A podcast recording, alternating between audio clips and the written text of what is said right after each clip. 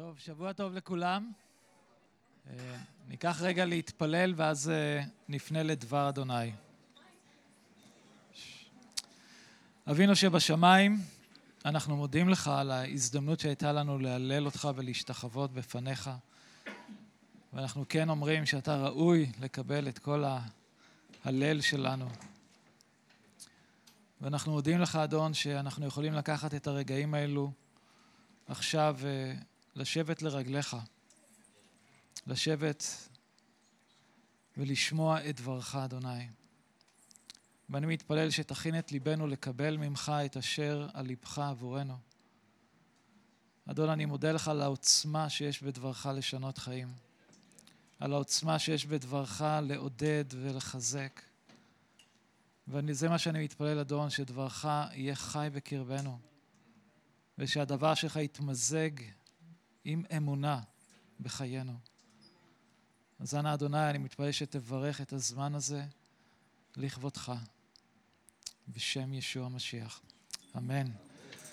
אמן. אז אנחנו ממשיכים עם הלימוד שלנו מתוך אה, חיי אברהם, ואלו מכם שהייתם אה, אה, בשבוע שעבר, אנחנו למדנו מספר בראשית, פרק י"ז, פרק 17, ושם, הדגש היה על האות הברית, הברית מילה, שאברהם עשה יחד עם בני ביתו על פי מצוות אלוהים, ולמדנו שאלוהים אף פעם לא מאחר במה שהוא הבטיח, שתמיד לאלוהים יש את הזמן שלו, שהוא מחליט לפעול ולעשות דברים, ולפעמים אה, זה כן יכול אה, לייאש אותנו, בני אדם, שאנחנו רואים הבטחות של אלוהים ואנחנו קוראים בדבר אדוני כל מיני הבטחות ואנחנו אומרים, אלוהים, למה אתה לא עושה את זה עכשיו?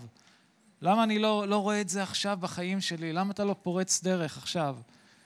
ולפעמים יש את הדממה הזו, יש את השקט הזה, ואנחנו לא רואים, לא רואים תשובה. ולמדנו מתוך הסיפור, זה, זה לא אומר שאלוהים הוא, הוא שותק או שהוא לא עושה דבר, אלא הוא פועל בזמן שלו, ברגע המושלם.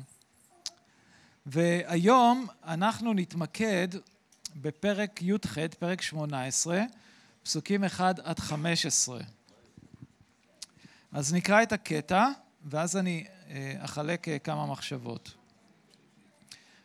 בראשית פרק י"ח, פרק 18, פסוקים 1 עד 15. וירא אליו אדוני באלוני ממרא, והוא יושב פתח האוהל כחום היום. וישא עיניו וירא והנה שלושה אנשים ניצבים עליו. וירא וירץ לקראתם מפתח האוהל וישתחו ארצה. ויאמר אדוני אם נא מצאתי חן בעיניך אל נא תעבור מעל עבדך. ייקח נא מעט מים ורחצו רגליכם וישענו תחת העץ ויקחה פת לחם וסעדו לבכם אחר תעבורו כי על כן עברתם על עבדכם ויאמרו כן תעשה כאשר דיברת. וימהר אברהם האוהלה אל שרה, ויאמר מהרי שלוש שאים קמח, סולת, לושי ועשי עוגות. ואל הבקר רץ אברהם ויקח בן בקר רך וטוב, וייתן אל הנער וימהר לעשות אותו. ויקח חמאה וחלב ובן הבקר אשר עשה, וייתן לפניהם, והוא עומד עליהם תחת העץ ויאכלו. ויאמרו אליו, איה שרה, אשתך, ויאמר, הנה באוהל. ויאמר, שוב אשוב אליך כעת חיה, והנה בן לשרה אשתך. ושרה שומעת פתח האוהל, והוא אחריו. ואברהם ושרה הזקנים באים בימים, חדל להיות לשרה אורח כנשים. ותצחק שרה בקרבה לאמור, אחרי בלותי הייתה לי עדנה ואדוני זקן, ויאמר אדוני אל אברהם, למה זה צחקה שרה? לאמור האף אמנם אלד ואני זקנתי. היפלא מאדוני דבר? למועד אשוב אליך כעת חיה ולשרה בן. ותכחש שרה לאמור לא צחקתי כי יראה ויאמר לא כי צחקת. אז אני רוצה לדבר הערב על החשיבות של לאכול בשר עם חלב. סתם, סתם, לא. בכל שזה מעניין לראות כאן את אברהם אה, מכין אה, סוג של מאכל אה, שהיום עשו. כן. וואו. לא הייתי צריך להגיד את זה.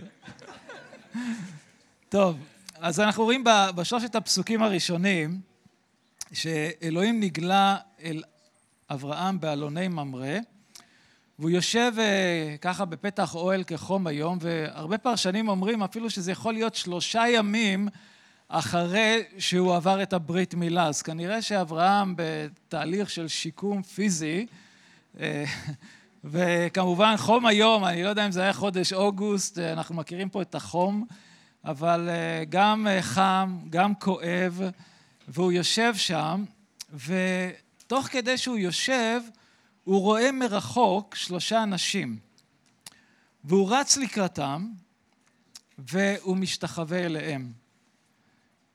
והוא מזמין אותם אל האוהל שלו לזמן של, של מנוחה, של אוכל, ואנחנו רואים כאן שהמקום הזה שבו אברהם נמצא זה נקרא אלוני ממרא. זה מעניין, בערבית זה חירבת רמת חליל, וזה נמצא בחברון. והשם אלוני ממרא זה כנראה המשמעות מעצי האלון שהיו במקום, היה כנראה איזה יער של עצי אלונים, שהעמים שישבו שם היו עובדי אלילים, והם החשיבו את העצים לדבר מקודש, דבר שהם היו, אם היה להם בקשה, הם היו רוצים לשמוע תשובה מהאלים שלהם, הם היו הולכים ומתפללים במקום הזה. זה היה סוג של אה, אל שמדריך ומורה. וזה היה המקום שאברהם קבע את בית המגורים, את המושב שלו, ושם הוא בנה מזבח לאדוני, וזה משהו שמופיע בבראשית י"ג 18, הוא אומר, ויעל אברהם ויבוא וישב באלוני ממרא אשר בחברון, ויבן שם מזבח לאדוני. וזה לא פעם ראשונה שאברהם אה, בונה אה, מזבח לאדוני, היו כמה מקומות שהוא בנה אה, מזבח לאדוני, זה גם באלון מורה בשכם, בבית אל, כאן באלוני ממרא, וגם על הר המוריה בזמן עקדת יצחק. אז רם בנה מזבחות לאדוני במקום שבו עבדו אלילים. והמזבח זה היה המקום של תפילה, זה היה מקום של סליחה, זה היה מקום של הודיה, מקום של קרבה לאלוהים. ובכל מקום שאברהם הלך אליו וקבע את מקום המושב שלו, מקום המגורים שלו, הוא בנה שם מזבח לאדוני. ואני חשבתי שגם עבורנו זה סוג של דוגמה של משהו כל כך יפה, זה שהמזבח יכול להיות בבית שלנו. המזבח יכול להיות במקום העבודה שלנו. המקומות שבהם אנחנו מבלים את הזמן שלנו.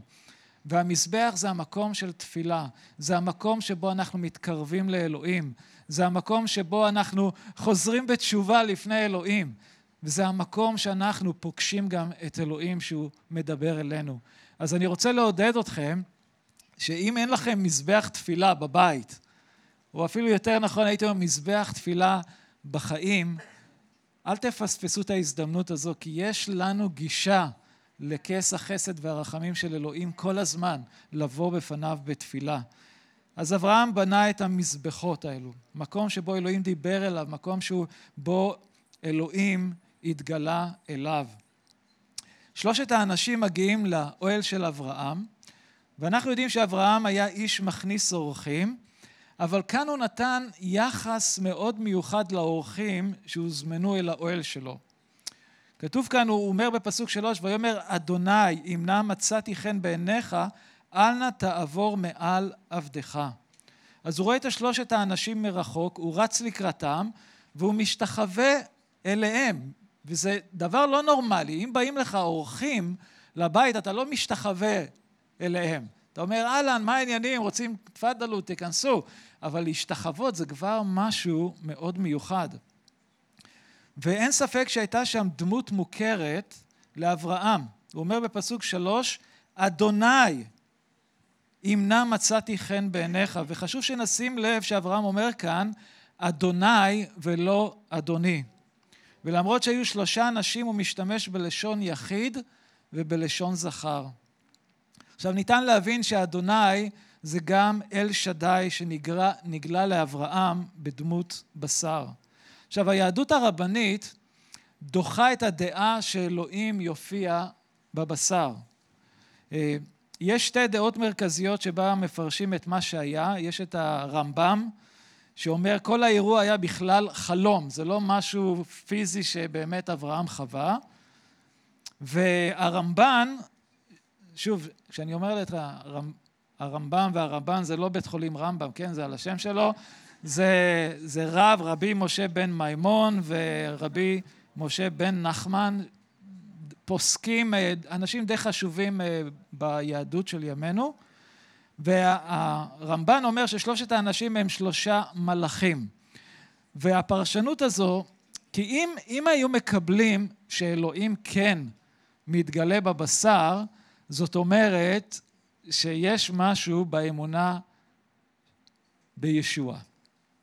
כי אחד מהדברים המרכזיים שלנו באמונה שלנו זה שאלוהים לבש בשר ובא ושכן בקרבנו. וזה אחד הדברים שבאמת היהדות הרבנית מתנגדת לדבר הזה. ולכן כשאנחנו רואים פה את התמונה הזו, הם לא מסוגל, מסוגלים לקבל את האמת הזו. כי אם הם יקבלו את האמת הזו, זאת אומרת שהם יצטרכו לקבל עוד דברים אחרים, והם לא מוכנים. ולאורך הכתובים, אנחנו רואים שההתגלות הזו מופיעה, אה, למשל, בסנה הבוער, ששם כתוב לנו, וירא מלאך אדוני אליו בלבת אש. אז בכל פעם שאתם רואים מלאך אדוני, זה על פי האמונה שלי וההבנה שלי, זה ישוע שמתגלה. ישוע שמתגלה. ואחד הדברים היפים זה שמלאך אדוני שמתגלה למשה בסנה הבוער, אתם זוכרים, הוא אומר לו, של נעליך מעל רגליך, כי המקום שאתה עומד קדוש הוא. וזה היה מקום של להשתחוות, אתה לא משתחווה למלאכים, אתה לא משתחווה למלאכי שרת, אלא אתה משתחווה לאלוהים עצמו. גם בקריאה של גדעון, כתוב, ויבוא מלאך אדוני וישב תחת האלה אשר בעופרה. וירא גדעון כי מלאך אדוני הוא, ויאמר גדעון, אהה אדוני אלוהים, כי על כן ראיתי מלאך אדוני פנים אל פנים. ויאמר לו אדוני שלום לך, אל תירא, אתה לא תמות. אז הוא גם ראה משהו, ושם הוא בנה גם מזבח, והאש נפלה על המזבח. ויש עוד דוגמאות לאורך הכתובים, גם יעקב, גם משה, גם זכריה, אברהם, הייתה להם התגלות של משהו מיוחד, משהו שהוא לא רגיל, של אה, אלוהים שבא בבשר.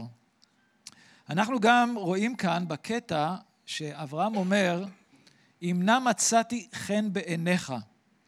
אברהם מאוד רוצה שאדוני יבקר אצלו באוהל. הוא אומר, אם נא מצאתי חן בעיניך, אל נא תעבור מעל עבדך. הוא מציע להם רחיצת רגליים, הוא מציע להם מנוחה, הוא מציע להם אוכל, ולמעשה זה סוג כזה שמזכיר גם את הפרשה, את הסיפור של עגל הזהב, שמשה מתפלל לאלוהים, אתם זוכרים אחרי שהעם חטא לאלוהים, הם, הם, הם בנו את ה... יצרו את העגל זהב והשתחוו, ואלוהים ממש לא רצה עוד ללכת עם עם ישראל, הוא רצה פשוט להתחיל מההתחלה, ומשה בא לפני אלוהים בתפילה ובתחינה, הוא מבקש סליחה, אלוהים תן לנו את ההזדמנות עוד פעם. ומשה אומר לו בשמות ל"ג, פרק 33, פסוק 13, הוא אומר, ואתה אם נא מצאתי חן בעיניך, הודיעני נא את דרכיך ואת דעך. ואז אלוהים עונה לו בפסוק 17, ויאמר אדוני אל משה, גם את הדבר הזה אשר דיברת אעשה, כי מצאת חן בעיניי ואדעך בשם. אנחנו רואים עוד דמויות בכתובים, כמו נוח, אברהם, יעקב שהיה בפניאל, משה, מרים אם ישוע וישוע עצמו, הם נשאו חן בעיני אדוני. ואני חושב שזה אחד הדברים המאוד מיוחדים בקשר שלנו עם אלוהים. כשאלוהים מסתכל עלינו ואומר עלינו, הוא מוצא חן בעיניי. וזה לא עניין של, אה, אתם יודעים, אנחנו משתמשים במשפט הזה, במיוחד שאנחנו אה, מתארים אה, סוג של מראה חיצוני. היא מוצאת חן בעיניי, נראית מה זה יפה, כן? זה, זה לא, לא העניין הזה שנכון שהיא יפה והכל בסדר, אבל כשאלוהים מסתכל עלינו, הוא מסתכל על הלב שלנו. הוא בוחן את הלב שלנו. האם החיים שלנו נושאים חן בעיני אלוהים? האם הדרך שלי, הדברים שאני עושה בחיי יום-יום שלי, האם הם נושאים חן בעיני אלוהים? ואהבתי את הפסוק הזה ב, בראשית 17, בפסוק הראשון, שאלוהים אומר אה, לאברהם, בן 99, הוא אומר אליו, אני אל שדי, פסוק אחד, יתהלך לפניי ואהיה תמים. עכשיו, האם מישהו יצא לו להגיד למישהו בגיל כזה מבוגר, אה, אה, יתהלך לפניי ויהיה תמים, כבר כמה שנים נשארו, כן? אבל, אבל אלוהים אומר לו, יתהלך לפניי ואהיה תמים. תלך אחריי, תחיה את חייך בשבילי, תהיה ישר, אל תפנה לא ימינה ולא שמאלה, תישאר בדרך. תן שדרכי תהיה הדרך שלך. וכשאלוהים מביט על העולם הזה ומסתכל עלינו בני אדם, הוא רואה את הלב שלנו. האם יש מישהו שבאמת מוצא חן בעיני אלוהים? וכאן אברהם אומר לאותם שלושת מלאכים, אותם שלושה אנשים, אם מצאתי חן בעיניכם, בואו אל האוהל. והם אומרים, כן, אנחנו נבוא. משה מתפלל, אלוהים, אם מצאתי חן בעיניך, הראה לנו את הדרך שלך, ואלוהים אומר לו, כן, אתה מוצא חן בעיניי. ואני רוצה לעודד את כולנו, שאתם יודעים, ההליכה שלנו באמונה זה לטווח ארוך. זה לטווח ארוך, זה לא ספרינט של 60 מטר והגעתי, זה מרתון ומרתון, ואנחנו רואים בחיים של אברהם ששנה אחרי שנה ואחרי שנה והשנים חולפות, והוא ממשיך להיות נאמן לאלוהים. הוא לא, הוא לא זז לא ימינה ולא שמאלה, למרות שהיו לו רגעים גם לא פשוטים, אבל הוא ממשיך בנאמנות ללכת אחרי אלוהים. אז שלושת האנשים האלה נכנסים אל האוהל שלו, והכנסת אורחים באותה תקופה, זה היה מין אה, אה, דומה ל, ל, בימים שלנו, אם אנחנו רוצים לתאר מה זה הכנסת אורחים, לכו לבקר באוהל של הבדואים. ולפי המסורת הבדואית, מחויב לארח כל אדם ללא הבדל מיהו, לשרת אותו היטב, לספק לו הגנה, אוכל והכוונה. והיה להם מנהג, לבדואים יש את המנהג לזבוח ביום הראשון צאן לכבוד האורח, ובשאר הימים האורח היה אוכל את מה שהיו אוכלים המארחים בבית. אבל אחד הדברים המעניינים זה שתיית הקפה באוהל הבדואי. כלומר, כשמוזגים לך את הקפה, אתה שותה את זה בלגימות קטנות, אתה מתענג על זה. עכשיו, זה אני לא, שמעתי, אבל אני לא בטוח לומר לכם, אבל אם הבדואי מאוד מרוצה ממך, אז הוא יציע לך עוד קפה. אם הוא לא נותן לך עוד קפה, זאת אומרת, תודה שהיית כאן, תמשיך בדרכך. אבל הכנסת אורחים, וזה היה משהו שגם היה, קרה גם, גם עם לוט בעצמו, כשהוא היה בסדום, אתם זוכרים, כאשר שניים מאותם אנשים שהגיעו לשם, הוא גם מזמין אותם אל תוך הבית שלהם, לרחוץ את הרגליים ולתת להם אוכל. גם בברית החדשה, ברומים י"ב 13 הוא אומר, שאול אומר, תנו את חלקכם לצורכי הקדושים ושאפו להכניס אורחים. ואפילו באיגרת אל העברים, בפרק 13, פסוקים 1 ו-2, כתוב לנו, תהא אהבת אחים קיימת ביניכם, הכנסת אורחים אל תשכחו, כי יש אשר הכניסו אל ביתם מלאכים מבלי לדעת זאת. אז כשאנחנו חושבים על הכנסת אורחים, שזה היה מנהג קדום, זה, זה משהו שגם אנחנו, בשנת 2019, אלוהים קורא לנו גם לעשות את הדבר הזה. ובכל פעם שאנחנו מזמינים אנשים אלינו הביתה, זה ברכה. ואני אגיד לכם משהו, זה שמזמינים בני משפחה או חברים קרובים, זה לא אומר שאנחנו מכניסים אורחים, אוקיי? להכניס אורחים באמת, זה להזמין את אלו תקשיבו, שלא מכירים, שכואבים, אלו שאתה בדרך כלל לא מתחבר אליהם. אני אוהב את הפסוק מישעיהו 58, נ"ח, פסוק 7, הוא אומר, הלא פרוס לרעב לחמך, ועניים מרודים תביא בית, כי תראה ערום וכיסיתו, ועם בשרך לא תתעלם. עניים מרודים תביא בית. זה, תחשבו לרגע, מה זה להכניס אורחים? זה אנשים שאולי אתה לא מכיר, וזה אומר, אני יודע, אני יודע מה זה הכנסת אורחים, מפני שלי זה לא בא באופן טבעי, אבל לואן, מה זה חבל על הזמן? זה היא אחת ש... מאלו שאני מכיר, המכניסת האורחים הכי טובה שאני מכיר, ואני לא רגיל לזה, אוקיי? אני לא רגיל לזה, ואלו מכם שישראלים כאן, אתם יודעים שמזמינים הביתה אנשים, אתם רוצים שיהיה מספיק אוכל, נכון? זה פדיחה אם אין מספיק אוכל. אתה לא מזמין אנשים אם אין לך מספיק אוכל. והיא הייתה, אני אומר לכם, אחרי אספות, עשרים, שלושים אנשים מזמינה אלינו הביתה לאיזה סיר אחד. ואני כזה, למה את מזמינה? למה את מזמינה? היא אומרת, אה, יהיה בסדר, אנשים לא באים בשביל האוכל. אני אומר לה, כן, הם באים בשביל האוכל, מה זה? היא אומרת, לא, הם רוצים התחברות, הכל יהיה בסדר. ואני זוכר ש, שאנשים פשוט דופקים בדלת, ואני לא יודע, לא מכיר אותם, מי אתה? אה, אשתך הזמינה אותנו. בואו, תיכנסו, תיכנסו. והיא הייתה סתם עושה קומבינות עם פסטה ופה ושם, ויש אוכל מספיק לכולם. ואני רוצה לומר לכם, שעד היום אנשים אומרים לנו על חוויה כל כך מבורכת שהם עברו בתוך הבית שלנו, רק בגלל הפעם הזו שהם הוזמנו, ואנחנו אפילו לא הכרנו אותם. ו- ואני פשוט רוצה לעודד אתכם שאת ה- המתנה הזו של להכניס אורחים, תאמצו בחיים שלכם. שזה יהיה חלק מכם. ואל ת, תתמגנטו כל הזמן לאנשים שקל לכם איתם. תמצאו את האנשים דווקא שלא מזמינים. את האחד ש, שלפעמים, אתם יודעים, יכול להיות בקהילה, ואף אחד אפילו לא מדבר איתו כזה, אחד שנופל בין הכיסאות. אנשים ש, שאולי אה, אתם לא מתחברים אפילו מבחינת גיל, אפילו האנשים המבוגרים. בואו נפתח את הלב שלנו ואת הבתים שלנו לאנשים שנמצאים מסביבנו. אברהם, כשהוא הכניס את האורחים, אנחנו נראה, הוא יתברך חבל על הזמן.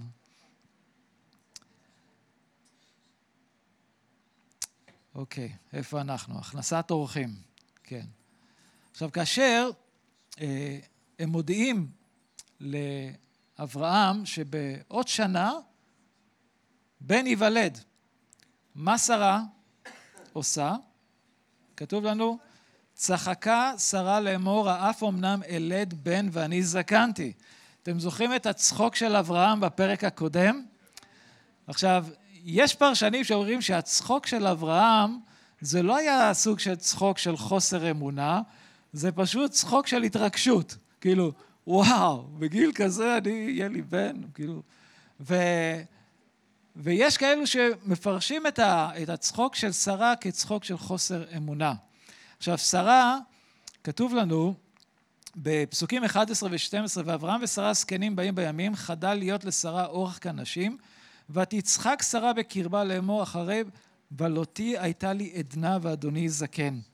אז היא אומרת, שרה, מה שהיא היא אומרת, אני עם כל הקמטים שלי, כל המצב הגופני שלי, אלוהים עכשיו אה, ייתן לי איזה כוח מיוחד, הוא יאיר בתוכי איזה, את, הצעירות שלי, וזה היה משהו שגרם לה לצחוק. ולא שלא נדבר על אברהם, שיותר מבוגר ממנה, כן? הוא כבר כמעט בן מאה. עכשיו, מבחינה טבעית, זה היה בלתי אפשרי לאברהם ושרה להביא ילדים. שרה כבר אין ביציות, נגמר, הכל יבש, מת. עכשיו, שתדעו שבעולם, בעולם שבו אנחנו חיים, היו כמה לידות מאוחרות. לא מזמן, אה, ב, אני חושב בהודו, אישה בת 72 ילדה. אה, ידוע גם שבטורקיה אישה בת 66 ילדה, ובישראל אישה בת 56 ילדה. עכשיו, על פי מחקרים, האישה, כשהיא מגיעה לגיל 40, זה כבר בערך הגיל שבלי התערבות הרפואית קשה להוליד ילדים. וכשאנחנו חושבים על אברהם ושרה, זה באמת מצב בלתי אפשרי. הם לא יכלו ללכת לקופת חולים ו... ולעשות כל מיני תהליך. אם הם היו הולכים, היו צוחקים עליהם. מה, תגידו, מה אתם עושים? השתגעתם? אבל אותו, אותם אנשים שהיו אצלם באוהל, אותם אדוני, אותו מלאך אדוני, מבשר להם שיהיה להם בן. אברהם, האמונה שלו היא כל כך מיוחדת. אם אתם זוכרים שגם למדנו מוקדם יותר, בפרק ט"ו, בפרק 15, כאשר אלוהים מבטיח לו, כאשר אברהם אומר, מה, זה, המשרת שלי הוא זה שיירש את כל מה שיש לי, ואתה אלוהים, אתה הבטחת לי צאצאים, ואלוהים אומר לו, לא, מתוך מאיך ייוולד בן. וכתוב לנו שאברהם והאמין באדוני ויחשבה לו צדקה.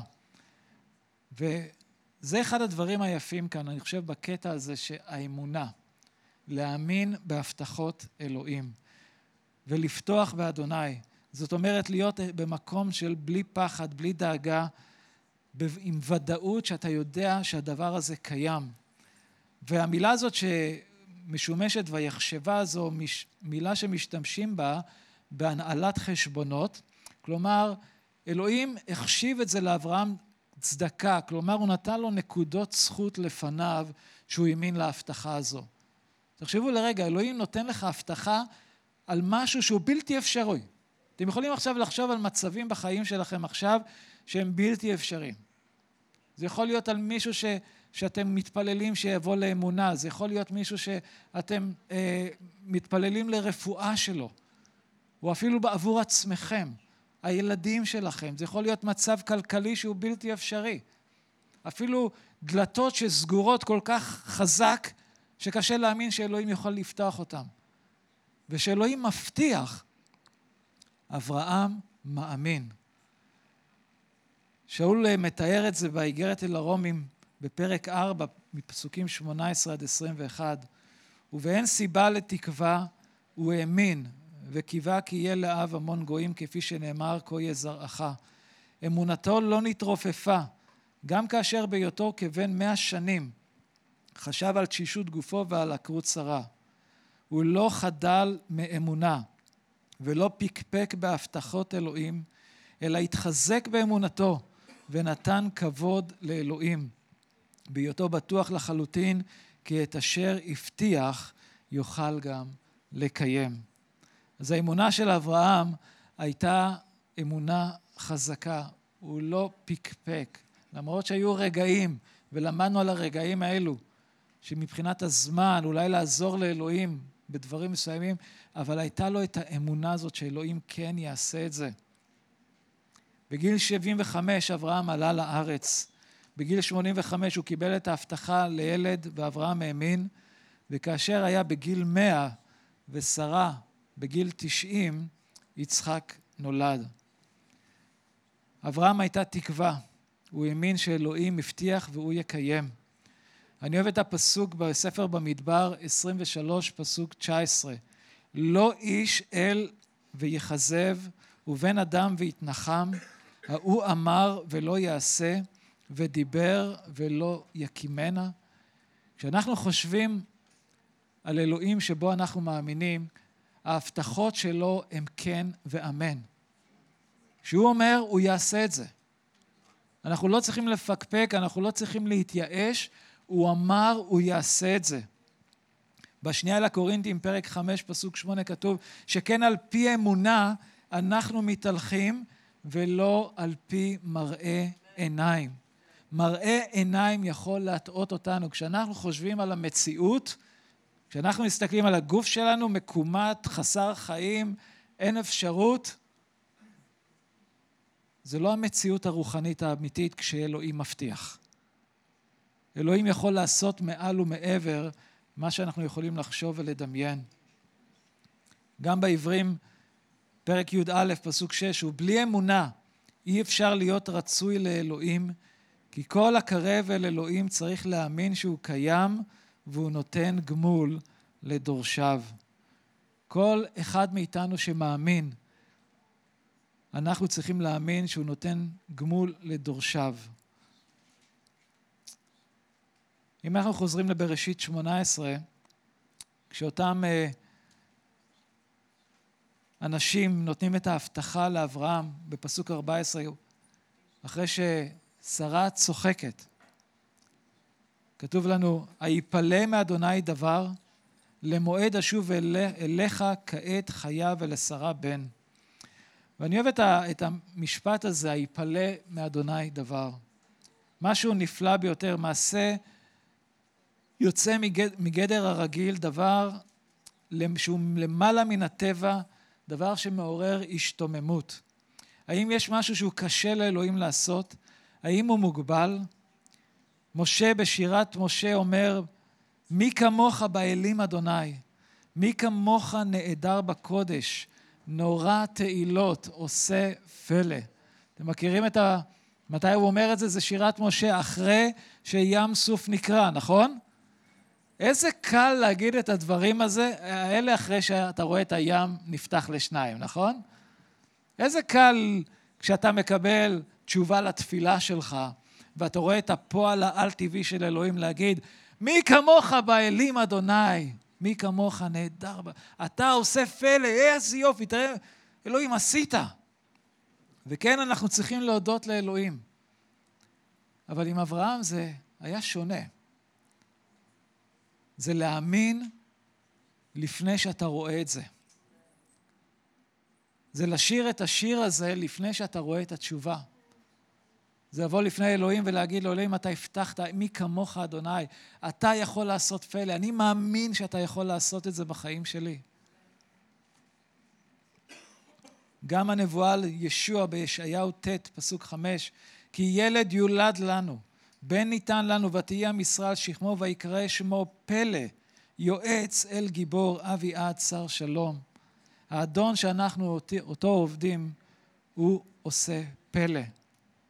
גם כשהמלאך מודיע על לידה של ישוע, כשהוא מדבר אל מרים, היא שואלת, היא אומרת, איך יהיה הדבר הזה? הרי אינני יודעת איש. השיב המלאך ואמר, רוח הקודש תבוא עלייך, וגבורת עליון תצל עלייך. לכן קדוש יקרא הילוד בן אלוהים. והנה אלישבע קרובתך, גם היא הרתה בן בזקנתה. וזאת שקראו לה הכרה, הרע זה החודש השישי. כי לא יפלא מאלוהים כל דבר. לא יפלא מאלוהים כל דבר. ואני אוהב את הפסוק ברומים ד' 17. כפי שכתוב, כי אב המון גויים נתתיך, לעיני אלוהים אשר בו האמין, האלוהים המחיה את המתים, והקורא בשם דברים, בעוד אינם בנמצא. אם נחיינו נביט רק על המציאות, והעובדות סביבנו, יהיה קשה לנו להאמין שאלוהים יכול לעשות את הבלתי אפשרי. אנחנו, המאמינים, מסתכלים מעבר, מעבר למציאות, מעבר למה שאנחנו חווים סביבנו.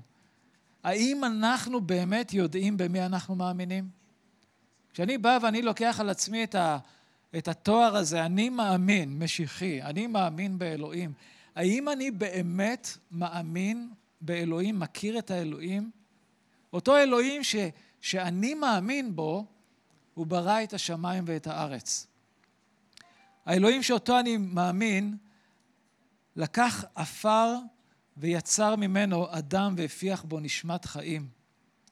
אני מאמין באלוהים ש, שהוציא מים מן הצור ונתן לחם מן השמיים. אנחנו משרתים אדון שריפא את המצורעים, ריפא את העיוורים, ריפא את הפסחים ואפילו הקים את המתים. אנחנו משרתים אדון שהמוות לא יכל לעצור אותו, והוא עצמו קם לתחייה ביום השלישי. ואנחנו גם מאמינים שאלוהים יכול לקחת את החוטא הגדול ביותר ולהפוך אותו להיות בריאה חדשה במשיח. אז אני רוצה לעודד את כולנו בזמן הזה להאמין שאלוהים יכול לעשות מעל ומעבר.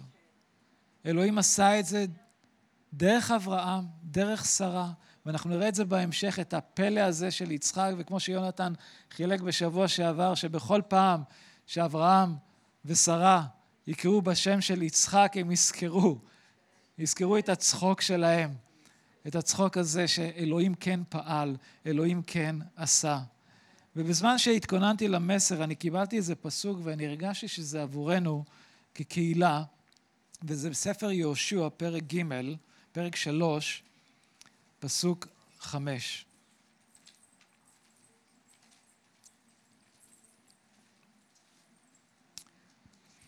יהושע ג' חמש. כן.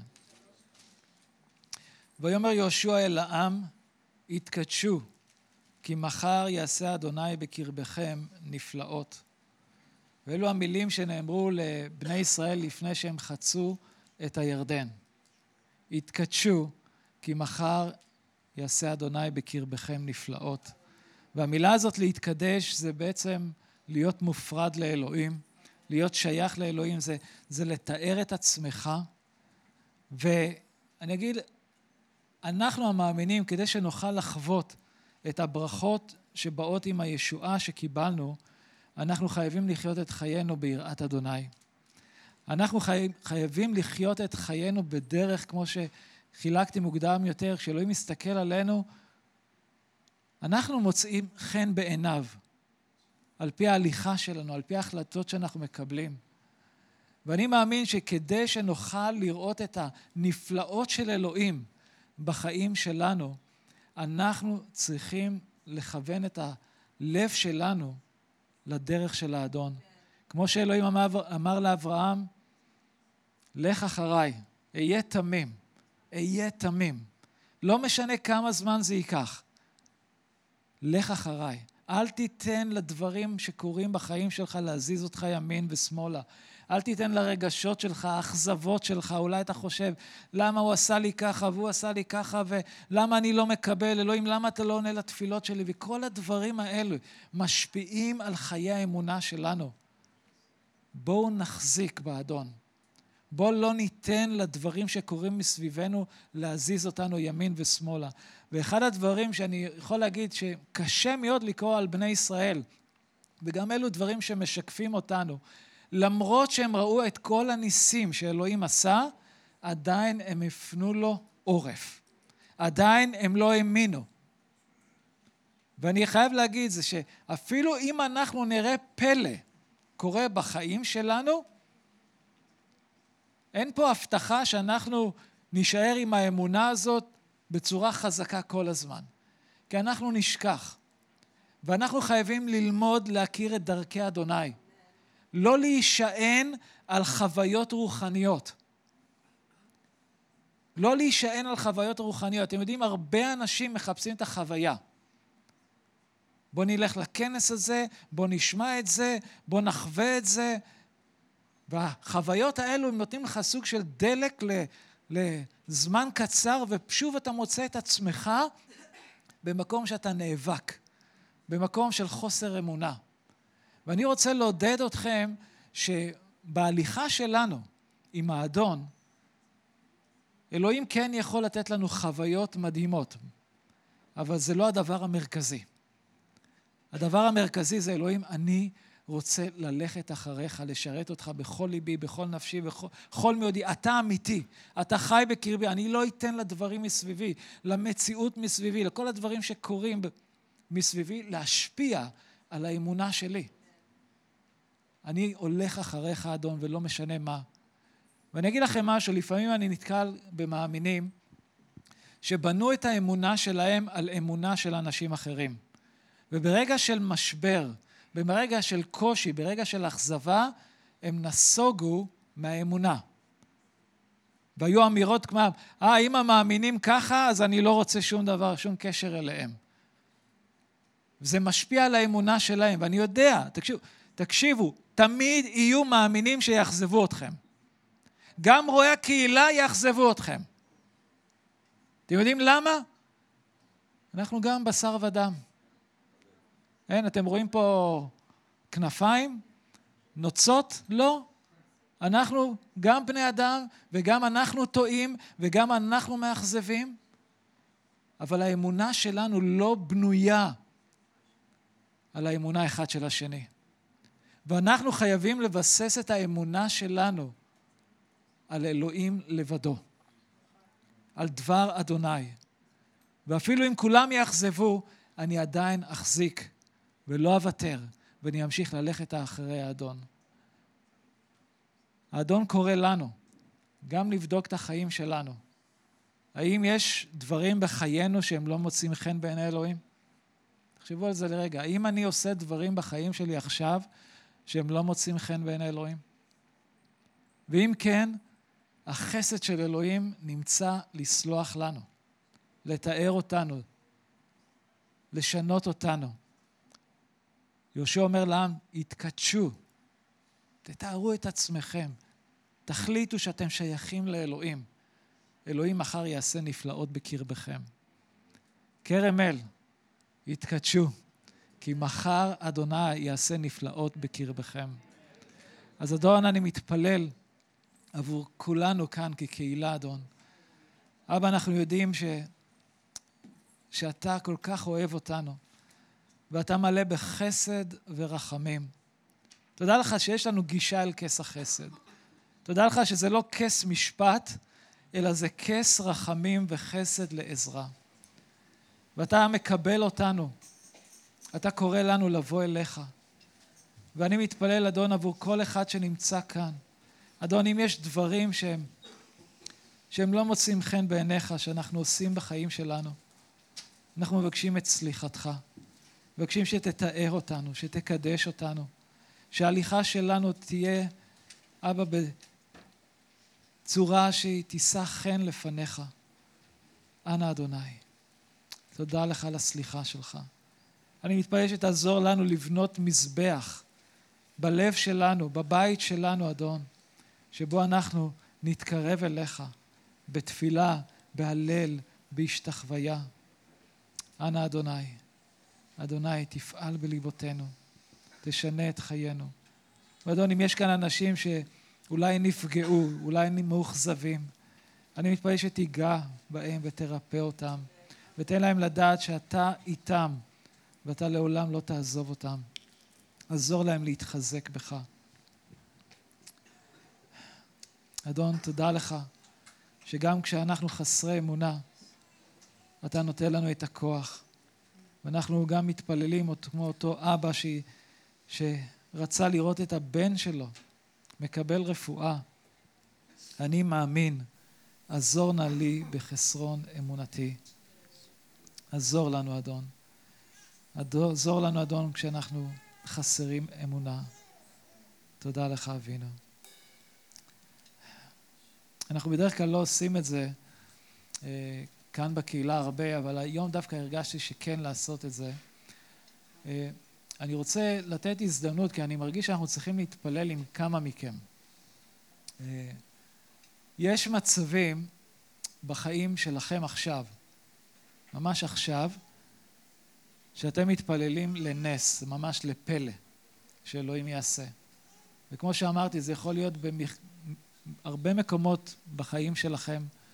זה יכול להיות משהו רפואי, משהו משפחתי, זה יכול להיות משהו כלכלי, זה יכול להיות אפילו הדרכה מאדון. אלוהים, אני לא יודע מה אני אמור לעשות. דלת סגורה, דלת נפתחת, אני לא יודע בדיוק מה לעשות. ואתם צריכים את ההתערבות של האדון בחיים שלכם. אז בזמן שאנחנו אה, נתחיל להלל עכשיו, אם הייתם רוצים שמישהו יעמוד איתכם בתפילה, אז אנחנו רוצים להתפלל יחד איתכם. אז אנחנו נוהגים לעשות את זה כאן, אה, פשוט שיהיה יותר קל, אתם יכולים לבוא פה לקדמת הבמה, ויהיה כאן צוות שפשוט יעמוד איתכם בתפילה. ותקשיבו, זה משפחה, לא צריך להתבייש. אנחנו כאן לעודד אחד את השני ולהתפלל אחד עבור השני. אז אם זה משהו שאתם רוצים, אז פשוט תבואו.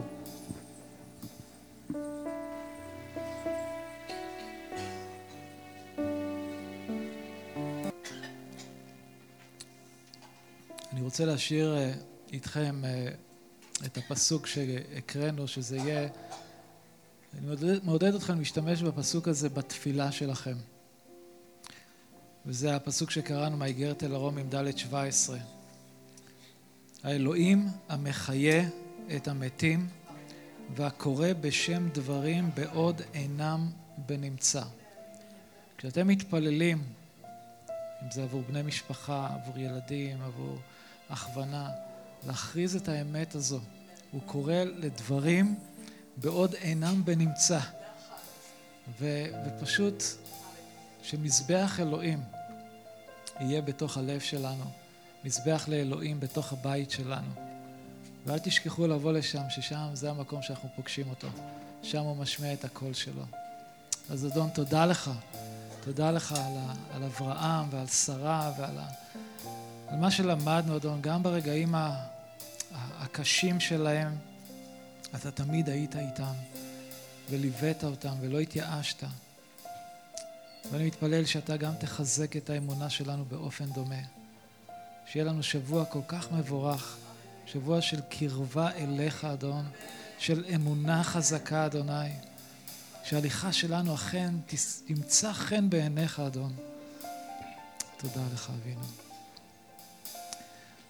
יברכך אדוני וישמרך. יאר אדוני פניו אליך ויחונקה. יישא אדוני פניו אליך וישם לך שלום בשם ישוע המשיח. אמן. אמן. שבוע טוב לכולם.